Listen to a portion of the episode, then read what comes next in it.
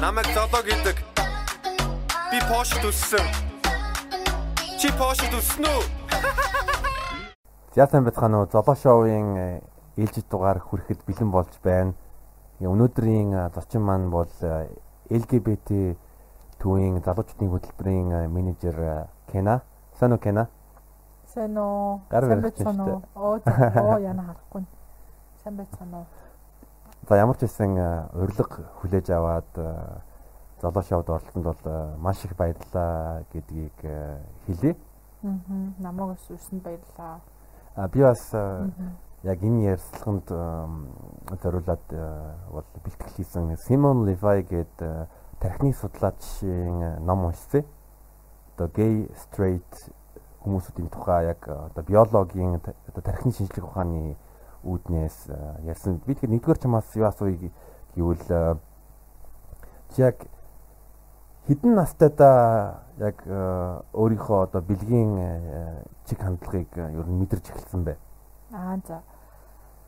Аа бэлгийн чиг баримжааны талаар бол нэг одоо юу гэдэг эхэндээ бол бодож модоогүй тийм тустай юм байдаг ч гэж боддгоо байсан. Ер нь бол зүгээр мэдэрч байгаагийн хувьд одоо санахад цэцэрлэг тахтай хальт мэддэг байсан. Аа одоо юу гэдэг цэцэрлэг тахтай нэг эмэгтэй найзтай тэр нь тэгээ баян цуг байхыг хүсдэг. Тэгээд айгүй нийтдээ хүүхдүүд чинь ингээд найзууд чинь хоорондоо ингээд яг нэг орны зайтай энэ төр унтдээ штэ ойрхон найзлаад гисэн чинь би болохоор тэр найзхаа хажууд унтахаас амир ичдэг. Тэгэж хэлхээсээ амир санаа зовдөг. Хүмүүс намайг загнах юм шиг санагдаад. Тэгтэл яг том болоод одоо ботход бол эмгтэй найзууд багтаад цуг бүр нэг хүнжилт унцдаг байсан. Би бинийдээ хондог байсан. Амар энгийн байсан. Тэгээд би бол тэгж мэдэрдэг байсан. Амар цуг баймаар идэм мөртлөө хилж чаддгүй ичдэг тийм байсан л та. Тэгэл бэлтгэл анги 1-р анги гээл баг ангитай бол ангийнхаа хөөрхөн охтуудыг харчаад найзууд болох юмсан яавал тоогдох бол ч юм уу тийм хүн бодоод амар санаа зовдөг байсан. Тэгэл Тэгж явж байгаад нэг 15 16 тада аа яг LGBT хүмүүс гэж байд юм байна. Тийм нэршил байд юм байна. Бэлгийн чиг баримжаа гэж бас тустай ойлголт байд юм байна гэдгийг ойлгоод судалж эхлээд нэг гадарлаж гисэн л дээ. За за би өрний навцаа юм байна вэ. Тэр хүртлээ бол зүгээр ингээ мэдрээл, ичээл ойлгохгүй тийм нэр томьёо байдгийг мэдтгүү ч юм уу. Тэгэл яваад Зөв. Чи LGBT төвд ер нь бол анх хизээ LGBT төвийн тухай сонсоод тэгээд хизэнээс хойш LGBT төв төвийн үйл ажиллагаанд оролцож эхэлсэн бэ? Мм нэг нандагийн ток шоу гэд бүгд үздэг байсан шүү дээ. Энэ ТV-гээр гардаг. Тэрүүгээр яг одоо LGBT төвийн үүсгэн байгуулагчдын нэг гээд амраах орж исэн. Бас өөр хүмүүстэй хамт тэгээд тэр үед одоо их нэртэй их нэртэйгээ хамт байдаг эхнэр нь гадаад тэгээд ижил хүүсийн гэрэлтийг гадаад хийсэн интергээл нэг тиймэрхүү юм яриад LGBT төвийн талаар яриад тэгээд тэр үед яг анх удаага сонссон Монголд байдаг гэдгийг бодож ирсэн бол сандын. Тэгээд мэдээж жоохон байсан болохоор гайхна. Одоо тэр чин 11 12 онд юм бэлээ шүү дээ сүүлд харсан чинь тэгэхээр би дөнгөж өсвөр насны ил хүүхэд байсан юм лээ. Тэгээд бодож байгаа бол тэр үедээ нөхөн бодог орхичоод нөгөө 15 16 тад өөрийнхөө тухай эрэл хайгуул хийсэн гэдэг гисэн шүү дээ. Гэхдээ яг Google-ээр интернетэд тусалж байгаа юм л та. Тэгээ Google-ээр хайж ирсэн чинь Монголд яг LGBT төв гэж байдаг хүмүүс байдаг гэд Twitter энтер болоод YouTube хуудас болсон. Тэгээд лайк дарцсан Facebook үстэн. Тэгээ байжгаад 10 жоохон байсан болохоор за за тэгэл 10 жилээ төгсчөөл энэ талаа бодъё гэдээ орхисон байсан. Тэгэл 18 хүрээл 100 залуучууд зориулсан үйл ажиллагаа болж ийн гэд яг LGBT төвийн Facebook хуудасаар зарлагдсан нацагд орж ийн номын санд 6 сарын 1 10 эднэр байсан баха. Тэгэл анх очиж исэн. Тэгээ зөндөө хүмүүстэй танилцсан. Тэгээ тэнд амар олон хүмүүс өөрсдийнхөө дүүхийг хуваалцаад би амар шоконд орж исэн л доо. Тэгэл тэрнээс хойш байнгын холбоотой байж байгаа л одоо нэг 5 5 жил болцсон уу? Тийм лээ. Аа. Зүг зүг ер нь анзаарангууд чи бас яг өөрийнхөө өөрийгөө танин мэдэх үедэр бол нэлээд мэдчихсэн байна тийм ээ. Тэрийг бол би бол өөрөө бол давуу тал гэж харж байна. Чи энэ талаар ер нь юу гэж бодож байна? Мм тий надад ихтэй хамгийн их нөлөөс нь манай найзууд гэж бодд юм аа. Яг хамгийн их нөгөө нэг ингэж түлхсэн юм нь юу байсан бэ гэхээр би нэг кино үздэг сахгүй DOC гэдэг одоо ангид кино. Тий Монгол монголоор орчуулгатай гардаг байсан юм а ямар телевизэрч лээ. Тэгээ үздэг байсан чинь нэг дүр нь найз залуугасаа салцсан байжсан нэг охинд дуулаад амар дурлаад заяа бүр ингээд шархлаа дараас нь гуугаад уйлаад. Би бүр анх удаага телевизээр тийм юм харж байгаа байхгүй юу? Тэрний өмнө яах вэ ингээд гомо лесби гэж дормж утгаар сонсч ирсэн. Тэднийг ингээд чин сэтгэлээсээ хүнд хайрлаад хаягдаад шаналдаг гэж бодож байгаагүй. Тийм ойлголт байдгүй байж байгаад зургатаар үзчих амар гайхаад тэгээ ингээ харсан чи айгүй эмгтээлэг охин заяа ингээ миний төсөөл байхааргүй тийм эмгтээлэг охин амар эмгтээлэг охин татагтаал шаналал тэг яг тэр хоёр үерхэж мүерхэлээсэн. Тэгээд би тэрний талаар айгүй удаан бодож байгаад ангийнхандаа ярьсан байхгүй юу. Өстө амар сонирн байгаа зөвхөн нэрээ тэгсэн штэ гэж бүр амар шоконд орчмоор ярьсч манаа найз. Гү тэгэл бисексуал хүмүүс байж л гэж зөндөл үз. Юу н тийм амар хачин байгаа ингээд амар энгийн юм гэдгийг надад шууд ингээ анхны мессежээр өгсөн байхгүй юу. Бүр ингээд манаа найз бүр ерөөсөө тоохгүй.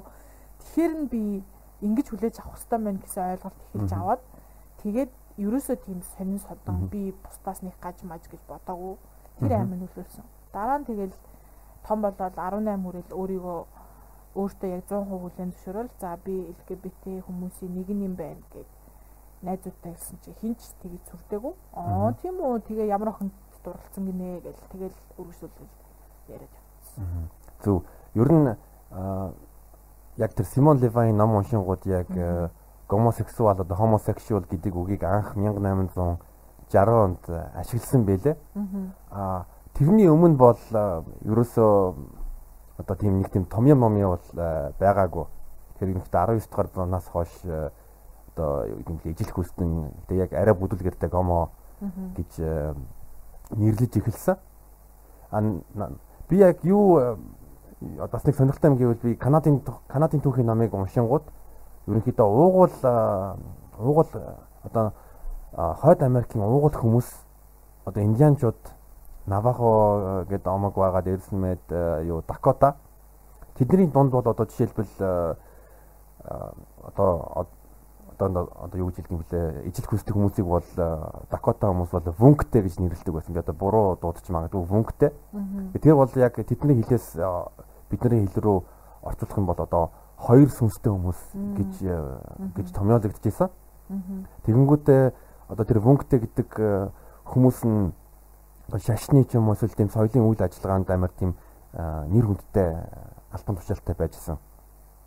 Яг уугуул индианчуудын яг тэр омгийнх нь амьдралыг харангуут. А дээрэс нэмээд бас юу Америкийн 1990-ад оны судалгаа байгаа. Тэгээ тэрэнд нь одоо жишээлбэл э, жишээ нь эрэгтэйчүүдийн 90 баг 97% нь бол 96.5 5% нь одоо стрейт өөрийгөө илт стрейт гэж тодорхойлдог. Тэнгүүд нь 3% нь 3% нь одоо одоо юу гей а тэгээд 0.5% нь одоо bisexual гэж өөрийгөө тодорхойлж байгаа. А нөгөөтэйгөр эмэгтэйчүүдийг э, харангууд энэ энэ Америк 1990 оны судалгааны дээр бол эмэгтэйчүүд нь бол 98 хувь нь straight. Тэгэнгүүт 0.9% нь бол одоо lesbian. Тэгээд 0.1 эсвэл 1% нь юу bisexual. Энэ дэр энэ ингээд статистикийг ингээ харангуут эрэгтэйчүүд нь бол илүү тийм одоо шолоохон талдаа эсвэл одоо жишээлбэл эсвэл straight эсвэл gay яг одоо bisexual амар цөөх цөөхөн байдаг эрэгтэйчүүдийн нийтэд нь а эмэгтэйчүүд харангуут ерөнхийдөө лесби тэгээд bisexual-ийн юу н хувь нь бол адилхан байгаад байгаа. Тэр талаар чи юу нэг гэж бодож байна? Мм. За яг ихний чиний ярьсан юмнаас яагаад юм бол тийм 1800-аад оноос эхлээд яг энэ талаар илүү судалдаг болсон ч юм уу хүмүүс гайхаж эхэлсэн баг. Гэхдээ тэрний өмнө бол одоо LGBT гэж одооний нэр томьёогоор хэлээд байгаа хүмүүс байсан уу гэвэл байсан. Байсан. Маш олон түүхэнд учир байгаа. Одоо би энэ дээр бол яг Монголтой холбож хэлэх юм бол зан одрын музейгээс ярих айгуу дуртай. Аа. Зан одрын музей рүү ороод ангууд нөгөө нэг хүн чулуу гэж байдэн штэ бүр эртний олдурууд гээд тэрэн дээр нэг чулуу идгийн дээрээ одоо яг хүн хүн дүрстэй тийм гутаа хөх зурсан байгаа юм л та ингээд нилээ юм унцсан. Яалтч бүр харваас илт эмхтэй хүнийх аа тэгснэ доод бэлэг эрэхтэн болохоор яг эрэхтэй ир бэлэг эрэхтэн байгаа юм л та одоо нөгөө нэг хар яраагаар бол боов гэдэг шүү дээ. Тийм юм хийцэн энэ юу гэсэн үг гэхээр интерсекс хүмүүс те манайханд оромж утгаар манил гэж хэлээд болохоос тийм хүн аль 2000 жилийн өмнө байсан байна. Тэрийг бүр хүн чулуун дээр үлдээсэн байна Тэгэхээр юу гэсэн үг зөвхөн тэр одоо баруунаас орж ирсэн биш байгаа байхгүй юу. Тэгээ цаашаа ярахаар нөгөө Марзан шаруугаан Монголын нэг өдөр гэж зураг байж тийм. Тэнд ингээл нөгөө Монголд байгаа бүх үйл явдлуудыг өдөр болгон өдөр тутамд нь болдог үйл явдлуудыг зурсан байдаг. Тэрэн дээр тэгээ сайн харах юм бол майхны ард хоёр эрэгтэй хүн одоо бэлгийн харилцаанд орж байгаа. Тийм нэгдүгээр зураг байна. Тэгээ бас дахиад сайн харах юм бол бас яг харваас хоёр эрэгтэй хүнээс хал махалтай зурсан. Тэгээд би биенийхээ бүр одоо бүксийг ингээ оролцож байгаа. Бүр харваас яг юм бэлгийн харилцаанд илт ингээд урин дуудсан тийм зураг байгаа юм л та тийм үзэгдэл. Тэгэхээр юу гэсэн үг вэ гэхээр социализмын үеэс өмнө манжин дарангууллаас өмнө ч юм уу тэр үед нь ч юм уу байж лээсэн. Тэрийг зураач хүмүүст зурсан. Тэгэхээр тийм амар шинэ зүйл бол биш байгаа байхгүй юу. Тэгээ сайн ярих юм бол одоо жишээ нь бөөгийн одоо шашин гэх юм уу бөөгийн бол зан үйл харах юм бол одоо юу гэдэг юм би зарим нийслэлийг мартаад байна. Юудсаа одоо нөгөө удхан удхан жишээ нь ирэх үстэй те эрэгтэй хүн байлаа гэхэд одоо эмээгийнхаа өвөг эмээгийнхаа ч юм уу дээдсийн хатан батны сүнс оруулаад идэв штэ. Тэгээд тэрүүгээр өвөлдөл хийдэг. Энд чинь юу гэсэн үг гэхээр сайн ухаж бодох юм бол бас л яг трансгендер асуудал байхгүй. Тэгээд сүнсээ солиод байна гэдэг чинь юу гэсэн үг ингээд сүнстэй холбоод үзэх юм бол манай бөөгийн шашин гэсэн айгүй тийм трансгендер хүмүүст ээлтэй хүлээн авах үст тийм зан үйл байгаа байхгүй юу? Тэр хойд Америк индианчуудад амар амар дотн санагдаж шүү дээ. Хоёр сүнстэй одоо энэ хүний дотор байгаа хоёр сүнс байдаг эрэгтэй эмэгтэй тэр нь ээлжлээд байгаа. Тийм манайхан ч бас тэгж ярьдэн ш нөгөө жирэмсэн бахта золгоо сүнсэн солигдчихдаг нэ тэрэг л Америк тийм үгээд шүү дээ. Энд чинь бас яг уу яг LGBT нүдээр одоо тийм линзээр харах юм бол сүнсэн солигдсон хүмүүс байж болохоор аахгүй. Тэрийг манайхан бас яг уламжлалаар амар энгийн тайлбарлцсан өөс үнсэн солигдсон тэгээл амьдрчих болоо. Тэ нэг тийм ёстой энтер гэл байхгүй. За дараагийн нөгөө судалгаан дээр болохоор энэ амар сонирхолтой л та. Хүн бас өөрийгөө яаж тодорхойлох? Энэ чинь дотоод мэдрэмж яваад байгаа шүү дээ. Хэнийг хайрлах, хэнд хайртай болох, тэрийг ил гарах уугүй юу, нуух уу, өөрийгөө эсэргүүцэх уугүй юу. Тэгэнгуутаа одоо юу гэдэг эрэгтэй хүн татагдсанаа тэрийгэ хүнд илэрхийлэх үгүй юу, тэр мэдрэмжээ яаж хэлэх үү, яаж тодорхойлох үү гэдэг дээр амар өөр өөр юм явж байгаа шүү дээ. Хүн болгоны бодол одоо юу гэдэг гэр бүлийн нөлөө ч юм уу одоо нөлөөлж байгаа. Тэгэнгუთ а хүн бас хэр мэдээлэлтэйгээсээ болоод өөрийгөө яаж тодорхойлох нь хамаарна л та. Жишээ нийгмээсээ чи зөвхөн эсрэг хүйсийн үндэ татагдах ёстой гэд багаас нь өсгцэн тэгээ ижил хүйсийн үнд татагдсан гутам шиг хууль бус эсвэл муухай амьдрын хэцүү амьдрын зовлон хамаг нийгмийн бузар булаа. Инээ тэрэгээ заасан бол хүн өөрийгөө шууд бас гей юм уу бисексуал гэж тодорхойлж чадахгүй айн. Татагдчихсэн мэдрэмжээ блоклон тий би одоо эсрэг хүсийнхээ хүндэл татагдах ёстой гэж тэрийг хүлээгээд байна өөрийгөө хүчлэн ч юм уу. Тийм байгаа болохоор тэр дотор бас өөрөө тийм нуусан хийдэг хүн байгаа. Аа тэгээд одоо шашин гэсэн нөлөөлнө шүү дээ. Тий жишээ нь христийн зарим сүмүүд бол нөгөө ижил хүйсийн хүн татагдахыг нүгэл гэж үздэг юм уу? Тийм хүн байгаа. Тэгэнгუთ хамгийн сонирхолтой нь 2017 онд их Британд хийгдсэн судалгаа байна л да. Тэрэн дээр тэгсэн чинь 35-аас доош насныхан тэгээ залуу харцангуй залуу хүмүүсийн 80% нь өөрийгөө стрейт биш буюу би зөвхөн ижил зөвхөн эсрэг хүйсийн үндэд татагддаггүй гэж тодорхойлсон байна. Энэ юу гэсэн үг вэ гэхээр одоо тэр 90 оноос хойш 2017 чи 27 жилийн туршид амар их нээлттэй мэдээлэлүүд явсан байхгүй юу?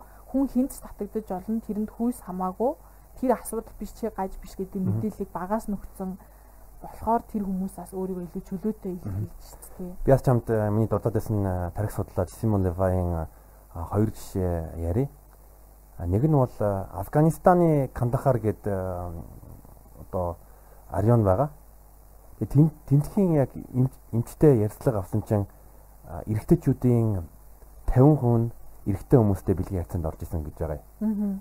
Тэр нь юу яг гэвэл одоо эмэгтэйчүүд чинь юу одоо хижаб, бурка Монголоор үгс нэлдэг үлээ тэр хижаб, бурка, буркага буркага өмсдөг болохоор эмгтэй эмгтэйчүүдийг ер нь харж болохгүй яг зүрдэж болохгүй тэгэн За би бас миний уншиж байгаа Simon Levi-ийн номноос хоёр жишээ ярмаар байна. Нэг нь юу гэвэл Афганистаны Кандахар районд амьдарч байгаа Афган эмч Нью-Йорк Таймс сэтгүүлд ярьслага өгж байхдаа тэр нутгийн ирчүүдийн 50% нь эрэгтэй хүмүүстэй бэлгийн харьцаанд орцсон байгаа гэж хэлсэн. 50% нь. А бас чи тэр Английн яг тэр статистик дуртахад бол тэр номд бас юу гэсэн бэ гэвэл одоо Англид ч одоо зөвхөн ирчүүд эрэгтэйчүүд эрэгтэй хүмүүс сурдаг сургуулиуд байдаг. Тэр сургуулийн хүмүүсийн дийлэнх хүмүүс нь бас хоорондоо одоо бэлгийн харьцаанд орсон тэгсэн мөртлөө одоо жишээлбэл сургуулаа төгсчхөөд эмэгтэй хүнтэй ер нь суудаг дийлэнх нэ. Гэтэ бол яг сургуулийнхаа үедээ бол эрчүүд хоорондоо эрэгтэй хүмүүс хоорондоо бэлгийн хязгаанд ордог тийм болдгийм байлээ. Аа. Тий, энэ дээр болохоор яг уу тэр бол үнэн факт шүү дээ. Тий, тиймгууд бас нөгөө ийм асуулт гарч ирж байгаа юм л та. Секс хайр хоёр заавалчгүй холбоотой байх хэрэгтэй юу тий? Миний хувьд бол үгүй. Тий.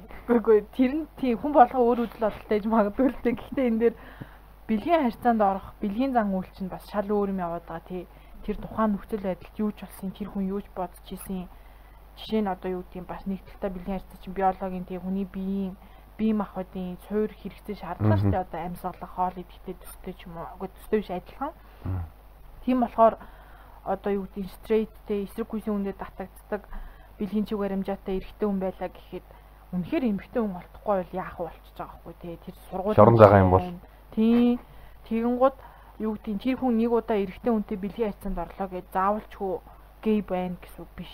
Болно гэсэн үг биш. Яагаад вэ гэхээр тэр чинь хувраад олдоод би бинийг уруу татдаг зүйл биш те. Тэгэл нөгөө бэлгийн харьцаанаас болж дүгнэх ёстой юу үгүй юу болчихж байгаа.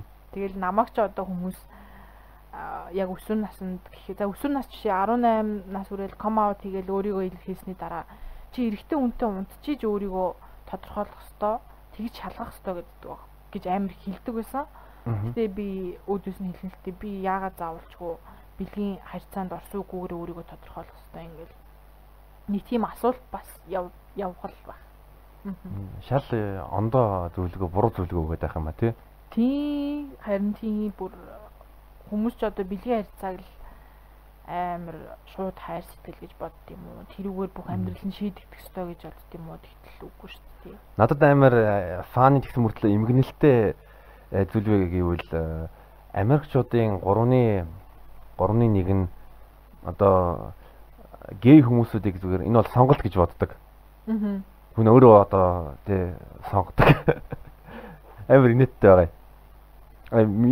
Миний уншсан мэдээллээр бол яг одоо биолог тэгээд одоо гормоны үүднээс харах юм бол яг хүний одоо хайпоталамус буюу үнчин тарих байдаг. Тэр үнчин тарихын дотор инах 3 гээд мэдрэлийн эс байдаг. Тэгээ энэ эс ерөнхийдөө бол нэг нэг будааны үр шиг хэмжээтэй байдаг. Аа тэгэнгүүтээ стрейт ирчүүдэд бол тэр нь эмгтэй эмгтэй хүний яг энэ ах 3-аас 3 2-оос 3 дахин том байдаг. Аа тэгсэн мөртлөө гей хүмүүсийг аваад үзэх юм бол тэр нь яг эмгтэй хүмүүс шиг адилхан хэмжээтэй байдаг. Аа тэр нь яг ямар үйлдэлийг хяндаг тархины хэсэг юм? Яг хайпоталамус бол үлсэх, ам цангах, намын одоо үржилт үржилтийг хяндаг тийм тархины хэсэг. Яг тархины дунд байдаг хэмжээчгэн жижигхэн жижигхэн одоо мах бод юм бэлээ. Тэгэхээр одоо юу гэдгийг стрейт эрэгтэй хүмүүс илүү их үлсдэг, цангадаг гэсэн. Үгүй тэрнтэй бол тэрнтэй бол холбоотой биш. А ерөнхийдөө бол яг тарих судлаачид стрейт хүмүүсийн тарих, эрэгтэй хүмүүсийн тарихыг одоо гей эрэгтэйчүүдийн тарихтай ингээ ялгааг ингээд олох гээд үзэн үзэнгүү тэр хайпоталамусын тэр энэ ах 3 гэдэг мэдрэлийн эс нь Э, гей хүмүүсийн дунд яг эмэгтэй хүмүүс шиг адилхан хэмжээтэй байгаад байгаа. Аа тэгэнгүүт нь стрейтүүдийн стрейтүүдийн э, бол э, гурав дахин том байгаад байгаа байхгүй юу? Аха. Энд дээр яг хуу надад зөвхөн амар сонирхолтой бодогдсон юм гэхээр. За. Одоо юу гэдэг эрэгтэй эмэгтэйгээ нэг хоёрхан хүйстэй тий юм яриад байгаа шүү дээ. Бид нар яриа сурцсан тий. Тэгсэн чинь яг одоо тэр байгаль ихээс заяасан юм зөвхөн энэ хоёрт бүр хамаарагдах зүйл биш л байгаа хгүй тий. Заавалчгүй тарих ярьж хахад нэг нь эрэгтэй хүн шиг эмэгтэй хүн шиг гэж хувааж байгаа нь амар өрөөсөл юм шиг санагдаад тийм. Тэгэл яг хуу тэр нь тэгэл яг байглаасаа хүн болгон өөр байгаа ерөнхий шинж тэмдэг харагддаг л та гей эрэгтэй хүмүүс арай уян зөөлөн байдаг, сайхан сэтгэлтэй байдаг ч юм уу. Тимхүү юмнууд ажиглагддаг. а би бас нэг тийм нийтлэл уншиж исэн хамаагүй айдуу зөөлөн байдаг. Ер нь л гей эрэгтэй хөвгттэй байвал айгүй инрэлтэй гэр бүлтэй инрэлтэй байдаг мэддэг гэл. Ягаад гэхээр стрейт эрэгтэй хөвгтүүд чинь ихэнх нь гэр бүл зохиогоод нэг аав ээжтэй амир одоо биечилж ирж туслах нь тийм шаардлагатай зүйл биш гэж боддоггүй. Шаардлагатай зүйл гэж боддоггүй яваад өчт юм л та тэгтэл гей эрэгтэй хөвгтүүд илүү ээжтэйгээ ойр дотно гэр бүлтэйгээ ойр дотно байнга эргэж тойрдог ч юм уу тийм байдаг. А тэр тал дээр би бас уншсан юу юу гэвэл одоо зөндөө олон геодын тохиолдолд бол ээжтэйгээ дотн байдаг. А тэрийг сэтгэл зүйн хүмүүдээс юу гэж тайлбарладаг вэ гэвэл аав нь хүүн яг одоо эрх эрх хүний тийм шинж чанар чанар үзүүлэхгүй байгаа болохоор одоо хүүгээсээ тийм хүндирдэг аль аль нь. Аа. А тэгээ тийм болохоор а, одоо гей гейүүд ээж ээж ээжтэйгээ илүү а, илүү татан харьцаатай харьцаатай байдаг. Тэгээ бас нэг яг ам, шинжилсэн гэвэл одоо гей хүмүүс бус хүмүүсээс илүү амны фигур эсвэл үгийн баялагтай байдаг юм байлээ. Ер нь дундаж гей Одоо хүн гей хүмүүс гэдэг нь гей эрэгтэй хүмүүс үү? тий Аа. эрэгтэй хүмүүс. Аа. Тийм баха. Манай гей эрэгтэй найзууд тусалж алчаа шүү. Анзаарч шүү бодоо тий. Би бас одоо юу миний германд их сургууль сурж исэн гей найз ерөнхийдөө миний э, пошт амьдарч ес- амьдарч явах үед яг а миний таньдаг гей хүмүүс бол амар тийм юу өндөр албан тушаалтай Аа. эсвэл яг тийм урлагийн чиглэлээр э, маш том амжилттай байсан э, амжилт олсон хүмүүс байсан. Тийм бүр амар тийм содон. Аа. Мм энэ дээр яг уу хоёр юм яг анзаараад Мгм. байдаг. Нэгдэл дээр нь яг уу яг их хвчлэн бэлгийн зэн хүмүүс нөгөө багаасаа өөрийгөө ийм тусгаарлагдсан гэсэн мэдрэмж дунд айгу ганцаардмал хүсчихэж байгаа шүү дээ. Тийм болохоор илүү өөр дээрээ ажиллах боломж нь арай бүрддэг гэх юм уу? Илүү өөрийгөө хүчилдэг ч юм уу илүү хичээдэг тийм цаг гардаг ч юм уу? Эсвэл би бусдаас туцаж болохгүйгээд илүү их хичээдэг зан чанар их байдаг ба. Мгм. А нөгөө талаас болохоор нөгөө дэлхий дээр байгаа хүмүүс одоо бэлгийн зүүн хүмүүсийн талаар одоо л зөв мэдээлэлтэй болол одоо илүү яриад хүний эрхийн асуудлыг яриад ингэ явж байгаа шүү дээ. Тийм болохоор нөгөө LGBT хүмүүсээр илүү төвлөрч бодооддаг гинэ. Бас одоо юу тийм стрейт эрэгтэй хүн урлагийн хүн байх, гей эрэгтэй хүн урлагийн хүн байх хоёрыг уул ижилхэн байгаад байгаа мөртлөө гей гэдэг дээр нь илүү их ач холбогдол өгөх гээд байдаг. Тим юм харагдааддаг. Мгм. Жишээ нь нэг тийм Одоо жишээлбэл за- загвар өмсөгч загвар одоо зохион бүтээгч байвал тэгээд хоёр эрэгтэй бол тэгээд нэг нь гей байвал тэгэл аа эн чинь гей болохоор илүү нэр нэр хүндтэй ч юм. Тийм гей гэд бэлгийн чиг баримжаан дээр нь хитрхийг анхаарал төвлөрүүлээддэг. Одоо жишээ нь миний сүүлийн судалгаан дээр нөгөө дэлхийд даяар ингээ хίδэ хивэ байгаа штэ. Хивэ дох. HIV тийм тэрний одоо 45% нь эмэгтэй хүмүүс одоо онцлогдсон тийм вирустэй амьдарч байгаа юм байна л та. Тэгэнгუთ хүмүүс гей эрэгтэй хүмүүсийн өвчин гэж Монголд хүртэл одоо хүртэл үзсэн. Тэгтэл бараг тал нь эмэгтэй хүмүүс үзсэн байдаг. Хин ч энэ халдвараар жишээ нь өвдөх эрсдэлтэй байгаа штэ бүгд хамгаалах хэрэгтэй. Тэгсэн чинь зөвхөн гей эрэгтэй хүмүүс л энэ өвчин авдаг гэсэн бодолтой ингээл амьдраад. Би бас нэг э, сонирхолтой судалгаа дурдъя. Одоо хойд Америкт Америк нэгдсэн улсад э, хар арьстангуудын дунд зөндөө олон одоо нуугдмал э, гейүүд байдаг. Аа. Одоо ихнэр хүүхэдтэй а тэгэн тэгэнгүүтээ тэд нар бол их хэмжээгээр одоо яадаг дохыг э, эмэгтэй хүмүүст ингээ халдаад байдаг. Аа. Яг гэвэл одоо өөр өөртөө яг э, гей мөртлөө яг тийм стрейт нууцлагдмал амьдралаар ам- амьдарч яадаг. Аа. Мм. Энэ дээр яг амар олон л нөгөө нийгмийн давхаргын асуудал ярина л та. Яагаад гэхээр одоо дэлхийд даяар яригдж байгаа юм дээр нөгөө цагаан арьстай хүмүүс одоо хамгийн дээр нь байгаа гэж үзээд байгаа шүү дээ. Хамгийн их одоо эрхийг эдэлж байгаа. Тэд нар ингээ бүх юмыг. А, одоо юу гэдэг нь зурагтаар хүртэл бид нэр цагаан арьстай жүжигчдийг илүү үзэж штэ. Тэр нь л хамгийн дээр гэл. Тэгээд дараа нь дараа нь хар арьстай тэгээд одоо юу гэдэг нь өнгөт эстэй гэж байгаа бид нар нэг Аз хүмүүс орж байгаа. Тэгснээр тэр дотроо хамгийн доод давхарх нь гей эрэгтэй хүмүүс, дараа нь лесбиан, бисексуал ч юм уу эмэгтэй хүмүүс, тэгээ хамгийн доор нь трансгендер хүмүүс, хар арьстай хүмүүс ордог гэд. Тэгээд ингээд үзэнгууд хамгийн нөгөө эмзэг бүлгийнх нь илүү их нуугдмал илүү их айцтай амьдарч байгаа. Тэрэд ямар нэгэн байдлаар нийгмийн хим хэмжээнд хүрэхгүй л бол карьер байдгүй, хинч тоодгүй, ялгуурладаг, тэгээ гадуурхдаг болохоор амар хэцүү тэр асуудал нь. Тэгээд нөгөө талдаа яг сонсоход нөгөө хийдэ хэвэгийн шинжилгээнд хамрагдахаас айдаг. Уул нь шинжилгээ байн өгөөд чи яг цагтаа мэдчих юм бол одоо л эмээ уугаад зүг зүгээр амьдрах боломжтой болсон шүү дээ. Бүр шинжилгээ ухаан өгчөөд Тэгсэн чинь шинжилгээ өгчл юм бол өөрийг нь мэдчин гэдэг айцаас болоод өхгүй яваад идэм юм л та. Тэгээ мэдээж их нэртэйгээ байж байгаад хамгаалалт хэрэглэе гэхээр эхнэр нь бас гайхах штеп. Бит хоёр одоо би биендээ моногам, тийм моногам харилцаатай, би биендээ үнэн ч үстэй гэж тулгаад эхлэнгууд айцаасаа ингээл ер нь л ингээл айцаасаа бүх юм ингээл гарч ирэл байгаа юм л та.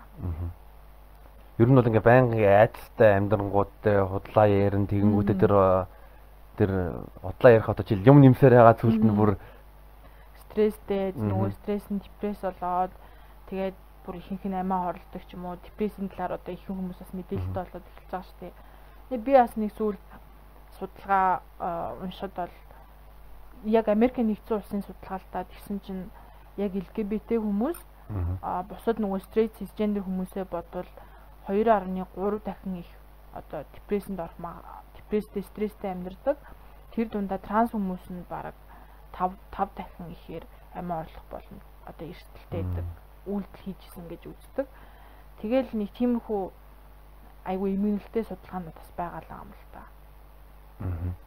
Тэгэд ер нь бол альва улс юм уу нийгэмд одоо гей хүмүүс 3-аас 5% эзэлдэг юм байна Яг го танаа төвийн вебсайтн дээр уншингууд ерөнхийдөө 10% гэж бичсэн байлээ. Энэ ялгаа ханаас гарч ирж байгаа юм бол яг го жишг тоогоор ойролцоогоор 10% л гэж байдیں۔ Эний чинь бас яг нарийн гаргаж ирэх боломжтой сайн нөгөө ярьсан шүү дээ. Мэдээлэл хэр байна?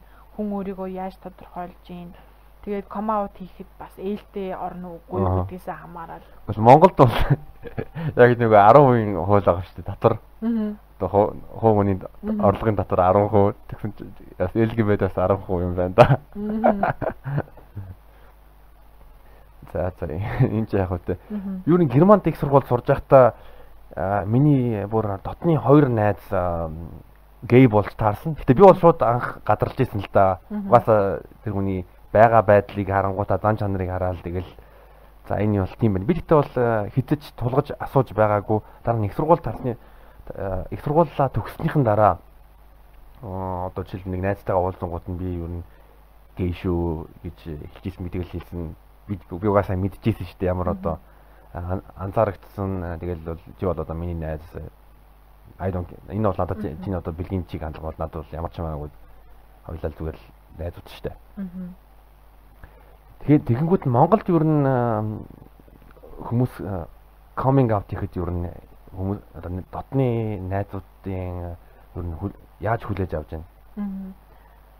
Өө тэгээд янз янз л та нэрнгэсэл нөгөө олон олон зүйл хамаарж байгаа юм та. Хэр бие даасан, хэр өөртөө ихтэй байна. Найзууд нь хэр их мэдээлэлтэй байна тий. Өөрөө их айцтай байна уу? Найзууд нь бүр илт амар хомофобик тэгээ бүр илт илтгэж битээ хүмүүсийг үзэн ядсан давхурхсан юм байнг ярьдаг бол хин бас тэднэрт ком аут хийж өөрийгөө эрсдэлд оруулаад муулуулаад чичлүүлээл ганцаардалд орох үү. Хондоо энэ дээр тэгэл жишээ ярих юм бол манай найзуудын бас тод тод жишээ байна л да. Хамгийн ойрхон болохоор за би X ярьчих заяа. Манай X уул нь гадаад байдаг. Тэгээ би уул нь гадаад байгаа юм чинь одоо найзууд нь ч гэсэн аюу сайн мэдээлэлтэй байдаг байх гэж бодсон чинь бас хүний үзэл бодолд бол хаана байгаанаас нөлөөлтгүй юм байлээ л дээ. Тэгээ найзууд нь тойр сууж агаад Монголд байгаа LGBT хүмүүсийг шоолж ярьдаг гэж байгаа байхгүй ёо. Өстэй амьдрал нь амар драматик бах та, өстэй амар хэцүү бах та. Тэгэж хүсээ солиулсан чи ингэсэн тэгсэн гэл амар ярьдаг. Тэгэнгүүт манай X надтай үерхчихсэн ч гэсэн тэр талаар ярьдгүү бүр LGBT хүмүүсийг өмөрсөн нэг шинжлэх ухааны факт хэлж чаддгүй. Яагаад вэ гэхээр тэд нар чинь олуулаа сүргээрээ бүр буруу бодолтой шүү дээ. Тэгээд манай X ч гэсэн тэрнийг одоо сүрэх зориг нь байхгүй айцтай эдгээр намайг ингээ ганцаардуулаад би ямар ч найзгүй болчихвол яах вэ гэсэн бодолтой тэгтэл үдий одоо 21 22 23 хүрсэн хүмүүс ээж бас тийм л айцтай л байгаа юм. Ер нь монголчууд бус хүмүүсийн бүсийг авах дуртай ялангуяа гей хүмүүсээ бүр авах дуртай. Үгүй харин тийм одоо бидний яаж амьдрдаг гэж одоо тийм тэгэл уул нь хүн болон л өөрөө өөрийнхөө өөрийнхөө өөрийнхөө амьдарч байгаа шүү дээ. Надад бол ерөнхийдөө Германд тэгээ поштойгоо чиг хандлага маш э, таалагддаг. Ер нь бол нээлттэй тэр тал дээр бол нээлттэй байдаг. Одоо надад одоо баг миний таньдаг 5 6 хүмүүс байгаа гей ч юм уу, лесбиан ч юм уу тэгэл энэ чугаасаа ийм болж төрсөн тэгэл одоо хүлэн зөвшөөрч. Одоо өөр яах юм бэ? Аа. Тийм. Гэхдээ тэгэл нэрнгээсээ яг Европт байна уу, амар хөгжсөн орн байна уу, Америкт байна уу? Хүний үзэл бодол чинь бас хэцүү мөлий шинжлэх ухааны юм уншдаггүй их сурвалжийн ингээд нотлдгүй баталгаатай юм ингээ хайдгүй хүн бол Германд ч байсан, Польшд ч байсан, Америкт ч байсан LGBT хүмүүс бузар булаа гэж явж идэв лээ. Би бол тэрийг амар ойлгосон. Энд тэнд очоод за ястай эндхийн хүмүүс л амар лаг бахтаа гэж бодсон. Монголчууд яг эсрэгээрээ энд байгаа бас л яг энд байгаа масс сэтгэлгээгээр тэнд байж идэв юм лээ. Би жишээлбэл чамтай ярилцлаганд бэлтгэхдээ тэр Симон Левай тархины судлаач мөн бас гей хүн тэр хүний номыг уншаад за ерөнхийдөө бэлгийн чиг хандлага гэж юу юм бэ? Гендер гэж юу юм бэ? Бас юуны тархины судлалын яг шинжлэх ухааны үүднээс мөн биологийн үүднээс энэ гей хүмүүс бос одоо гей хүмүүс стрейтүүдээс юугаар ялгаатай гэдгийг мэдэрсэн. Тэр нь бас юу хэлж байгаа вэ гэвэл яг одоо одоо хүүхд ингээд гидсэн дотор ингээд бойжих үедээ гормоны одоо ялгарх ялгарх түвшнөөс их нөлөөлдөг юм байна. Ялангуяа тестостерон. Зөндөө олон шинжлэх шинжлэх ухаан ухааны хүмүүс бол биологийн хүмүүс бол хархан дээр маш их олон туршилт хийсэн байлээ. Одоо харах ингээд бойж явах үед нь одоо хиймлэр тестостерон илүү тестостерон ялгаруулаад эсвэл тэрийг нь хаагаал эсвэл юу одоо юу гэж хэлдэг юм бэлээ засаа хийгээл тэгэнгүүт нь судлаад ерөнхийдөө бэлгийн чиг харахын бэлгийн чиг хандлага хэр их өөрчлөгч чинь амар сонирхолтой. Аа. Тийм. Бэлгийн чиг баримжаа бас яг уу яг судлахаар ингээл амар сонирхолтой юмнууд та шинжилгээ ухааны тэгээд зүгээр яг уу эцээц тэгэл одоо төрсөн юм чинь өөрийнхөө амьдрахгүй яах юм бэ гэдэг тэр л одоо төвлөрөөд байгаа. Англиар бол энийг бол маш гоё хэлсэн байгаа. Nature trumps nurture. Энэ юу гэсэн үг вэ гэвэл гей хүмүүс угаасаа гей болоод төрдөг хүмүүс бол олдмол юм гэж байхгүй. Тэгээ маш олон юм нөлөөлж байгаа шүү дээ. Тий. Тэгэл гараад ирсэн хойно бид нар олдсон гэж одоо шашны юм тулгаал тэрийг ингээл хэцүү. Гэтэ яг уу одоо буцаад бид нар нөгөө эргээ түүхээ харчтай. Яагаад бид нар ингэж үздэг болчоо? Яаж ингээл шинжлэх ухаантай харьцуулаад ингээл яриад тэгэл одоо байдлаараа дээрцчихлээ л та. Аа. За 15 дугаар зуунд исэн бол юу ингэж ярьж суух тэгээ шууд би аягуулал дүүж төлцсөн баг уу. Хаана байснаас шалтгаалж штэ. Хойд Америкт байсан бол чи бас одоо омгийнхаанууд нэр төртэй байр суртай болол удирдаал удирдаал дайтаал дайтаал хүүхэн эргүүлээл. Аа. Хэрвээ Европт байсан бол гэхдээ сонирм гэвэл одоо жишээлбэл яг алдартай түүхт хүмүүсийн тунд бол Александр Македон ер нь гей байсан. Аа өөр чин бас одоо бол зөндөө олон мундаг хүмүүс бол гей байгаа. Ер нь Монголын хамгийн алдартай мундаг гей хүн гэж энэ байсвал нэг LGBT LGBT. Мм энэ дээр бол яг одоо тогтсон тим гэсэн юм бол байхгүй байгаа. Яагаад гэвэл ихэр манаа ч нөгөө нүүдэлч ингээл хамаг юм аа ингээл устал. Дээрээс нь одоо тэгвэл тэр үед одоо LGBT хүмүүсээ гадуурхдаг байсан юм үгүй мүү гэсэн ч тийм юм байхгүй шүү дээ. Тэгэл социализмын үед болохоор шууд хууль бус гэж үзсэн. Одоо заавалчгүй ихнэр нөхөр хоёр байх хэрэгтэй гэж үзсэн. Тийм үзэл дунд байж байгаа 90 оноос хойш л явж байна. Одоо тэгэл 90 оноос хойш ярих юм бол нөгөө ган од тэгээд химлэн нараа илүү гомо нараа гэд нэрлэгддэг. Сонин шар сонингоор амир явдаг ус. Тийм хүмүүс 90 оны үед шуугуулжсэн гэл. Тэгэл цаашаа хүмүүс бол одоо LGBT төвийг үүсгэн байгуулсан хэдэн хүмүүс байна гэдэг. Яг одоо үед бол тэгэл би ми оо тэгэл явж лээ. Гэтэ эргээд яг одоо түүхчид энэ талаар зөв ойлголтоо олоод судлах юм бол зөндөө гоё юмнууд гарч ирэх байх яг нөгөө жишээ нь Монголын нэг өдрийг сайн сүрхэж хараад тэрний талаар ярьдаг ч юм уу тэгэл явбал өөр л. Ерөнхийдөө одоо жишээлбэл юу а LGBT хүмүүс одоо стрейт хүмүүсээс биднээс яг юу хүсэж байдгийг тэрийг яриад өгөөч. Мм. Ер нь тоохгүй байх хүсдэг шүү дээ. Нэг амар муулаад гадуур хаал ингэж тэгээд тахгүй бүгд өөр өөрийнхөө амьдрал болоо бид нар яг одоо тийм стрейт хүмүүстэй ижлэг хүмүүстэй шүү дээ. Хайртай хүнтэйгээ бол хайрлаж дурлах гэр бүл зохиох хүүхд гарах ч юм уу. Одоо юу гэдгийг зарим нь жишээ нь одоо гоё хаустай болох гоё ажилтай болох карьертай болох ч юм уу яг тийм юм л хүсдэг. Зүгээр бидний яг тийм бусдаас өөр тий бэлгийн чиг баримжаа нь хүүсийн баримжаанд хэтэрхийг төвлөрөөд тэрийг л ингээл өөрчлөхийг хүсээд биднээс л амирх хүсээд ч дүндээ чи өстой. Одоо надаас бол тэгж чи одоо нэг найз залуутай болж үз чи нөхөртэй болох юм багаас тээ. Чи хүүхэдтэй болох юм багаас тэгээд хизээдд бол надад өөр бодох юм зөндөл шүү дээ.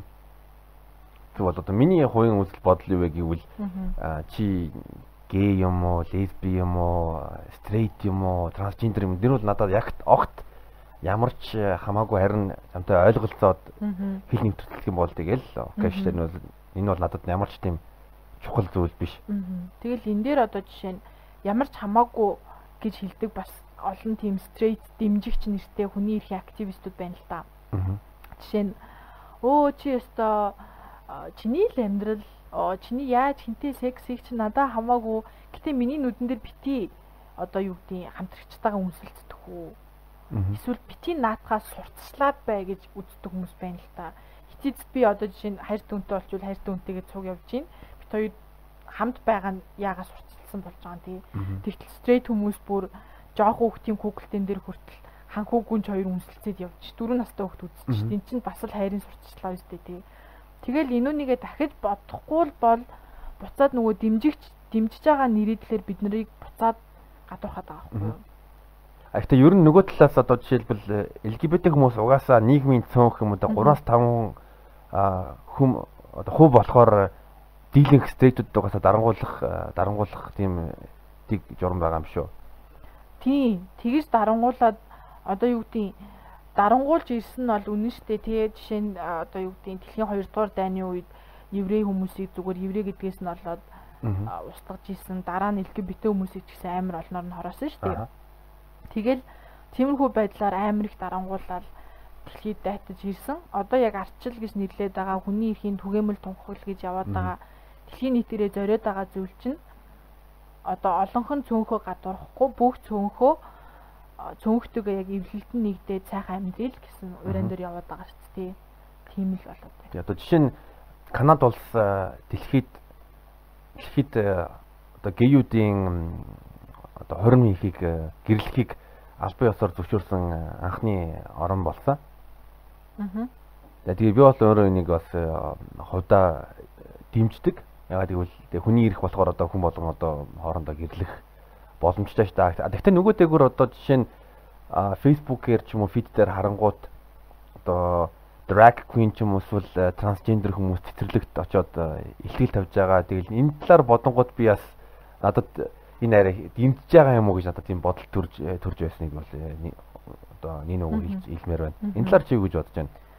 Нөгөө бид нар нөгөө дасаагүй л байгаа хгүй юу? Нөгөө буцаал нөгөө айдас руу орчихсон шүү дээ. Дасаагүй бидний үед юун drag queen цэцэрлэгт ирэхтэй зүгээр хоорондоо тоглоал хоол ундаа идэл явж явах хэрэгтэйсэн бол одоо эргээд явж штэ. Тэгэл энэ дээр бас нөгөө амар олон яг практик судалгаанууд явуулсан юм л та. Яг хэдин настайда хүүхдүүд өөрийнхөө хүүсийг мэдэрч эхэлтийн, илэрхийлж эхэлтийн, хэдэн наснаас яг хайр болон энэ LGBT хүмүүсийг ойлгож эхэлтийн ингээл явангууд дөрөв наснаас ойлгох болдог болцсон байдаг гэж байгаа хгүй. Тэгээд тэр үед нь л хүн хүнээл хайрлаж байвал хүүс хамаагүй гэдэг мессеж өгчих юм бол одоо энэ том болсон хойно тий 20 гарсан хойно нь хоёулаа ингээл амар их судалгаагаар нүдээл яриад хууль тогтоомж яриад хүний их яриад нуршаад ах шаардлага болчихж байгаа хгүй. Тийм болохоор нэг одоо юу гэж хэлтiin дэмжиж байгаа гэж боддог хүмүүс их бид ч анх бол дүнгиж комаут хийснийхаа дараа бол ингэж бас зурагт мурагтаар гараад яриад авах шаардлагагүй л гэж боддог байсан. Гэтэл яг нөгөө талаас нь авах юм бол одоо яг тэгж ярихгүй бол хүмүүс ойлгохгүй, мэдхгүй, мэдлэггүй байгаад байгаа байхгүй юу? Аа. Одоо жишээ нь би бол нэг юм дээр гайхаж ирсэн одоо нэг 5 настай нэг нэг ямар ч нэг барууны нэг орны нэг нэг нийтлээс нь 5 настай хүү бяцхан хүү драквин хамгийн одоо бага насны драквин боллоо гэж тэгэл бодвол 5 настай хүүхэд. Яаж мэдж байгаа юм бэ? Энэ тэнтнэ гэж бодсон. Тийм энэ дэр нөгөө drag Queen, Drag King, Drag гэж юу вэ гэдгийг бас мэдхгүйгээс болоод тэгээд энэ чинь зүгээр performance art үзүүлбэр ахгүй юу? Одоо жишээ нь жүжиглэх тий одоо манад хүртэл X түүцийнхэн эрэгтэй хүмүүсийн эмэгтэй хүний төвд ороод жүжиглээд дүүстэй тэрийг урлаг гэж үздэг. Drag урлаг бол яг тийм л ахгүй. Зүгээр нүүр амаа будаад эсрэг хүйсийн хүмүүс хөвчлөө өмсдөг хувцас өмсөөл тэгэл липсинг үү, үзүүлбэр үзүүлнэ үү тийм юм. Тэр урлагт хайртай хүн заавалчгүй гей халбгүй, трансгендер халбгүй, стрейт чэж болно. Тийм. Тэрийг л эвтэйхэн ойлгочвол зүгээр. Тэгтэл одоо юу гэдэг бүр дээр үе нөгөө грек руу ингээ явах, грек ромын үе рүү явах юм бол тэр үед нөгөө нэг эмгтэй хүмүүс мэрэгжилтэй ээж болдгоо шүү дээ, ажил хийж болдоггүй. Тийм үед эрэгтэй хүмүүс нь хүртэл эмгтэй хүний дүр тоглож исэн. Яг тэр үеэс эхлээд урлаг одоо дрэг урлаг бас хөгжсөн юм байна гэсэн их. Тэр юм байна шүү дээ. Аава та намайг буруугаар ойлгож байна. Аава би кей биш би драг queen гэсэн чинь аа миний хүү драг queen аа за за окей. Тийм тэрэн дээр заавчгүй бэлинжиг баримжаатай холбоогүй зүйл байгаа байхгүй юу? Зүгээр бид нар нөгөө нэг эрэгтэй үнийг хүмүүсийг нүүрний будагтай харс тасаагүй тэрийг шууд өөрөөр өөр юмтай холбож үздэг болохоор тэгж байгаа байхгүй юу? Тэгэл хэсгээрээ жишээ нь өмнөд солонгосыг ярил л та Өмнөд Солонгост бол эрэгтэй хүн нүрээ будж байгаа. Одоо нүүрний тос төрхөөд одоо юу гэдэг рекламын тоглох энэ төр бол бүр энгийн байдаг зүйл шүү дээ. Тэгээ яг Солонгос байгаа хүмүүстэй ярихаар тэрүүгээрээ эрэгтэй хүмүүс нь өөрсдийнхөө зиндаг харуулдаг гэж байгаа байхгүй юу? Би өөрийгөө арчлах боломжтой, би энийг худалдаж авах боломжтой, би юм арчаатай, соёлтой эр хүн шүү гэдгийг харуулдаг гэж байгаа нөгөө маскулинити те жинхэнэ эр хүн болохоор би нүүрэндээ арчилгаа тавьж гинэ гэдгийг одоо өмнөд солонгост үзүүлдэг болж байгаа байхгүй юу. Тэнгуут эргээд бусад оронд хараад жишээ нь манад харах юм бол нүрээ арчлах юм бол чи шууд чи арай гомо юм шүү дээ гэж тулгадаг юм уу. Тэгэл юуг юутай холбож үзэж байгаа нь бас амар сонирхолтой. Нэг охин над руу бүр ингэсэн шүү дээ би ингээд э, чат битж яхад ерөнхийдөө харьцаж яхата юу чи ямар сони юм бэ? Э, чи гомо юм уу чи надад бэлэг мэлэг авч өгөхгүй ямар сони юм бэ? Яг бэлэг бэлэг авч үүж байгаа юм бол стрейт гэдэг одоо шинж юм одоо. Амар би тэгэл тэр охноос гэл зайгаа барьсан да.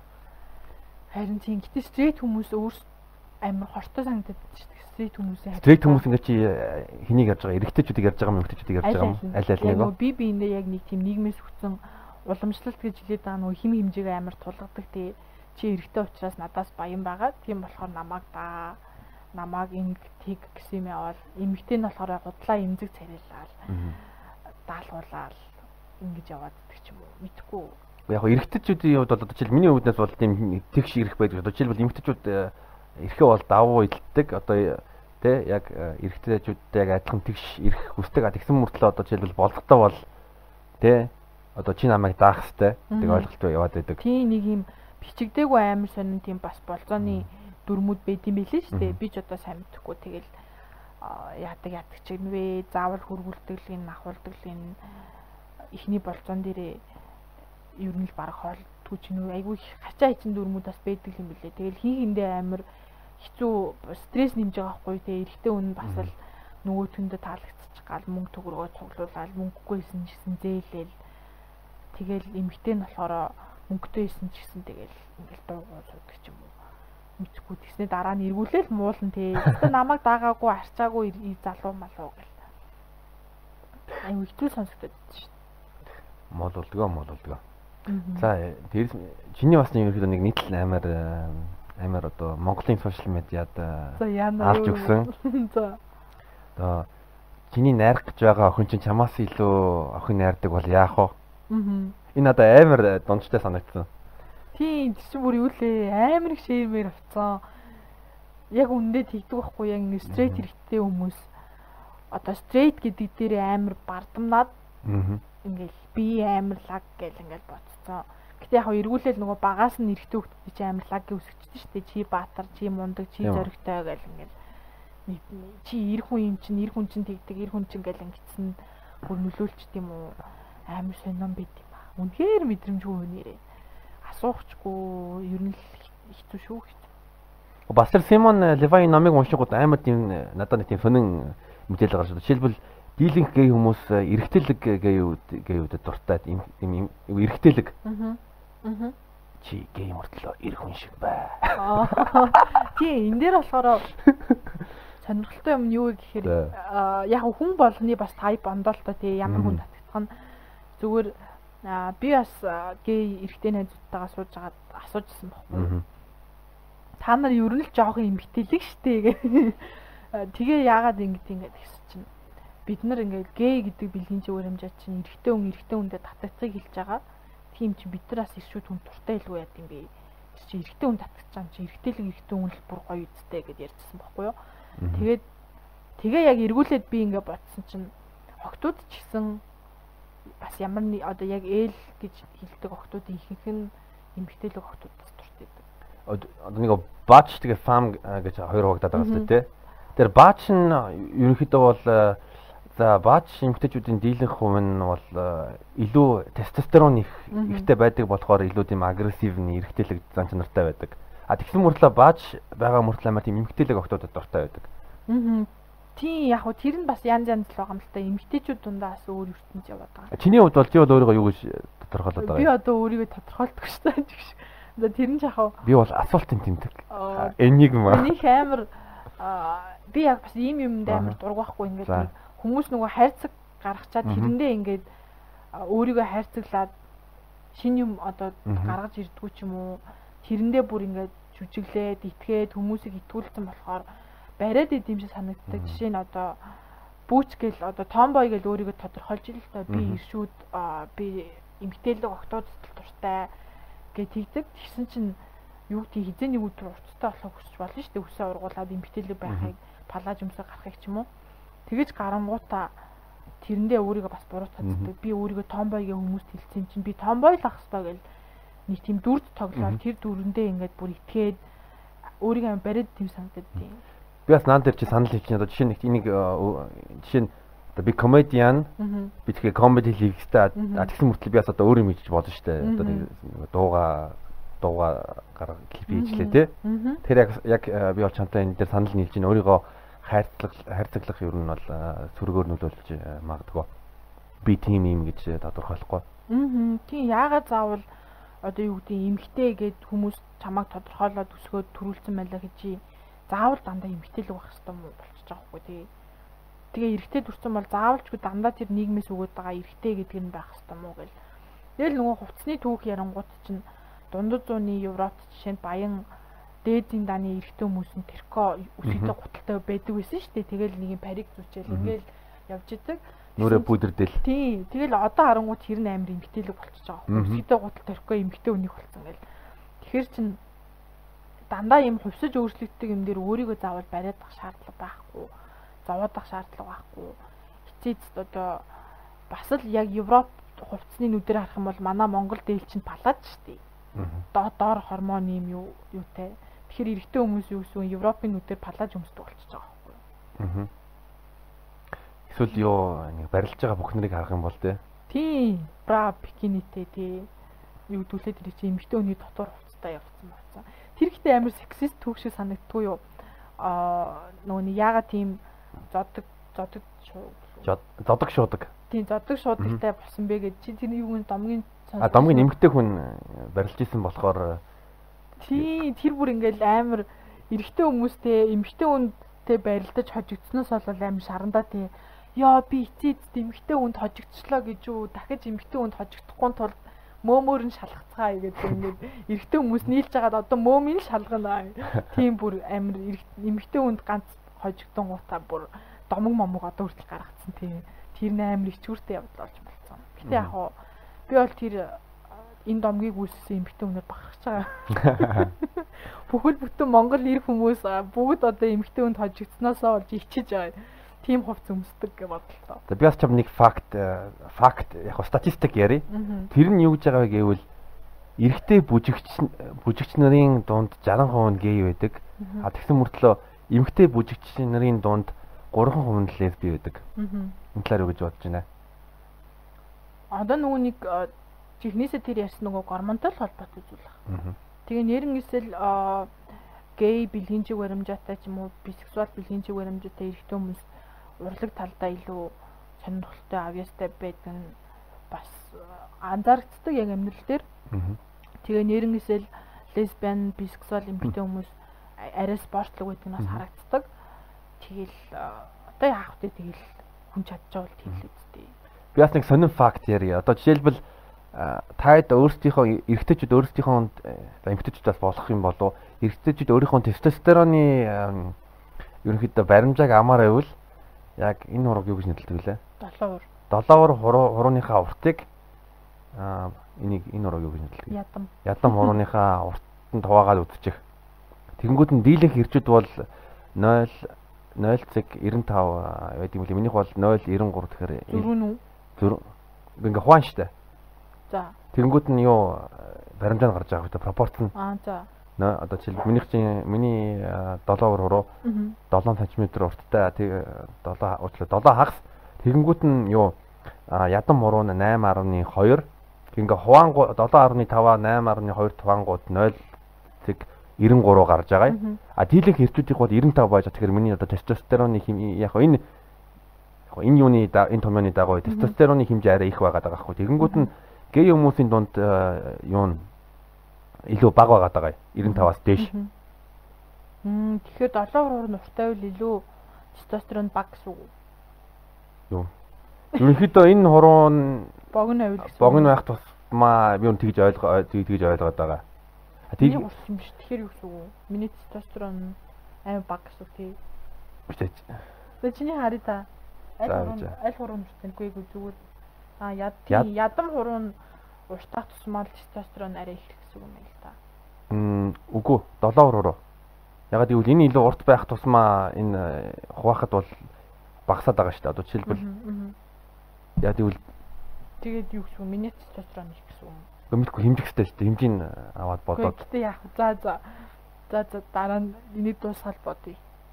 Тий. Сонирхол. Минийх яг хаа жоохон их баха. Энэ ямар учиртай вэ гэвэл ерөнхийдөө хүүхэд байжих үедээ одоо энэ хурууны тестостерон ялгарах ялгархтаа энэ нөлөөлөдөд энийг хүмүүс бас ингэж үздэг юм байлээ. Мм. Тийм л одоо бүх юм чинь л учир утгатай юм чинь гэж боддог шүү дээ. Би бол аа жоохон тестостерон их бах уу би чинь айгу бусад эмэгтэй хүмүүсийн бол түнх мөнх тонтой шүү. Хоолоо молоо жоохон бүдүүн. Тийм баха. Анти наваа бүр манай ажлын хүн 2 3 сар миний хоолыг сөөчч гэж утсан гэсэн. Сөөц олоотой л яваад байгаа минь гэсэн чинь жинхнээсээ миний хоолын сөөц юм шиг жоон бүдүүнд байсан бэлээ гэдгийг саяхан мэдсэн гэсэн. Тийм болохоор октод та нарын сонирхоод байгаа залуучийн мангар эвсэлтэй бүжгэлж байгаа юм бол анхаараарай. За чи тэгээд э, сая Солонгос явсан. Аа Америк явсан. Тэнд э, Солонгос Америкийн э, ерөнхийдөө анги та нар өөрсдөө бол анги гэж нэрдэг тийм ээ. Солонгосын ангийнх нь Америкийн ангийнхнаас ер нь ямар ялгаа юу ямар ялгаатай байдаг юм бэ? Чамд юу гэж харагдсан бэ? Мм аа тийм амар удаж удааг болохоор бүр одоо ахын юм сайн мэдхгүй яг партицсан. Партины ертөнц бол юу юм лээ Солонгос байгаа гей парти бол а нэг цаг нэг цагаар айгүй сонирхолтой нэг цаг ингээд дэлхийн pop music явж байгаа байхгүй pop гэх юм уу надад DJ-тэй партины тэгсэн нэг цаг яг солонгосын K-pop урсгал нь явдаг. Тэнгууд одоо нөгөө огтын хамтлагийн нэг алдартай дуунууд байгаа та жишээ нэг ингэж мөнгөл нэг нэг бүжгэлдэн шүү дээ солонгос хотод. Тэрийн go тэрийг болохоор яг 5 ч юм уу 3 гишүүнтэй гей эрэгтэй солонгос хүмүүс гарч ирж тайзан дээр бүжгэлдэг. Тэгээ хамгийн сонирхолтой нь яг тэр нь болгонгууд тэр бааранд байгаа бүх гей эрэгтэй хүмүүс тэр бүжгийг дагаж бүжгэлдэг.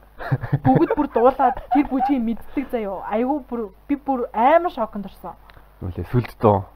Тийм бүр ингээд чинь зөндөл дуу тэднэр ч одоо амар улаан амттай уран зөндөө явж байгаа шүү дээ. Тэгэхэд бүгд тэр бүжгийг мэддэг. Тэр тайзан дээр гарч байгаа одоо тэр таван бүжигчд бол лаг л бүжиглж байгаа юм л та. Korean gay anthem. Яа, тэгээд би бүр амар гайхаад би юу тэрийг бүжиг сонсдог ч үү тэгээд амар бүгд бүр бүжгэлдэг заяа. Тэгээ яг ингээ эргээ харангууд лаг лаг амар царилаг амар өндөр лаг булчин булчинтай ирчүүд байдаг. Яг тэр бидний гей гэж бодооддаг нөгөө Монгол бодоод нэг бодлогоч нарийнхан бариу өмд өмсдөг булчин шүрмэсгүй нэг амар свит тий. Тэгсэн чинь яг солонгост байгаа гейүүдийн их нь бас амар ирчүүд юм билээ. Миний андарснаар бол. За тэгээд нэг тийм гей партийн ертөнц бол байгаа. Тэгээ яг хуу зүгээр надад таалагдсан гэхээр нөгөө шоуд захта тамхи татчих болдог дотроо.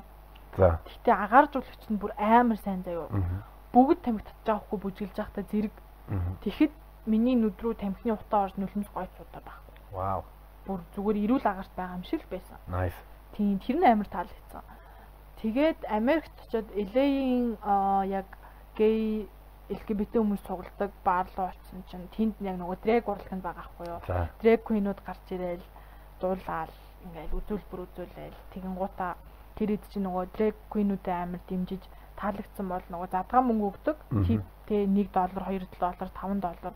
Тэгээ бүгд амар санаа зовхгүй дайлдаг. заяа. Мгм. Би тэр нь надаас амар шок нам чинь 1 доллар чинь баг 3000 тэ ингээл бодоол ёо гэл би ч ба өгмөргөө санагдсан.